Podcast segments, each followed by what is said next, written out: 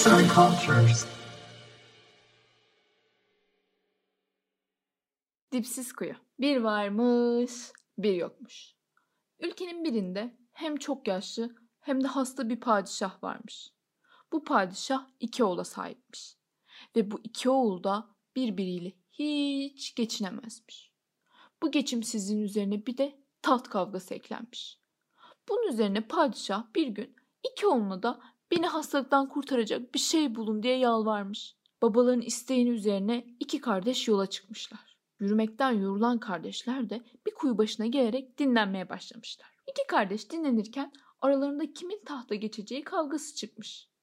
Kavga esnasında büyük olan kardeş küçüğü tutup kuyuya atmış. Ülkesine döndüğünde de babasına kardeşine kurtların yediğini söylemiş. Yaşlı padişah bu duruma çok üzülmüş ve hastalığı iyice artmış. Kuyuya atılan küçük kardeş ise kendisini kurtaracak birilerinin gelmesini beklemiş. Oğlan kuyuda beklerken birden karşısında aksakallı bir dede belirmiş ve ona dipsiz kuyuda ne işi olduğunu sormuş. Oğlan da abisinin yaptıklarını dedeye anlatmış. Oğlana acıyan aksakallı dede onu dipsiz kuyudan çıkarmış. Aksakallı dede oğlanı çıkardıktan sonra iki sakal teli vermiş. Bu tellerin sürttüğü zaman karşısına iki at çıkacağını söylemiş. Bu atlardan ak olanı seçtiğinde yeryüzüne çıkacağını, kara olanı seçtiğinde de yerin dibine gideceğini söyleyerek oğlanın yanından ayrılmış. Oğlan telleri birbirine sürtmüş ve iki at ortaya çıkmış. Ak atı tercih etmek isteyen oğlan son anda bir değişiklik yaparak kara olan atı seçmiş. Çünkü kara olan at onun çok ilgisini çekmiş. Böyle olunca da oğlan yerin altına inmiş. Yerin altında karşısına yeraltı ülkesi çıkmış. Çok acıkan ve susayan genç ülkede bir evin kapısını çalmış. Kapıyı açan nineden kendisine yiyecek vermesini istemiş. Nine tereddüt edince ona altın vererek ikna etmiş ve karnını doyurmuş. Çok susadığını anlayan oğlan nineden su istemiş. Ancak nine ona sularının olmadığını söylemiş. Onlar su almak için devden izin almak zorunda kalıyorlarmış. Oğlanın su içmesi için devin iznine ihtiyacı varmış. Yarın su doldurma günü olduğunu anlamış. Su içmek isteyen oğlan ertesi gün devin yolunda beklemeye başlamış. Derken padişahın kızı görülmüş ve oğlan ona deve giderken eşlik etmeyi teklif etmiş. Kızla birlikte yola düşmüşler. Devin yanına geldiklerinde de oğlan devi öldürerek insanların susuzluk çekmelerini önlemiş. Genç kız hemen evine giderek padişah babasına olanları anlatmış.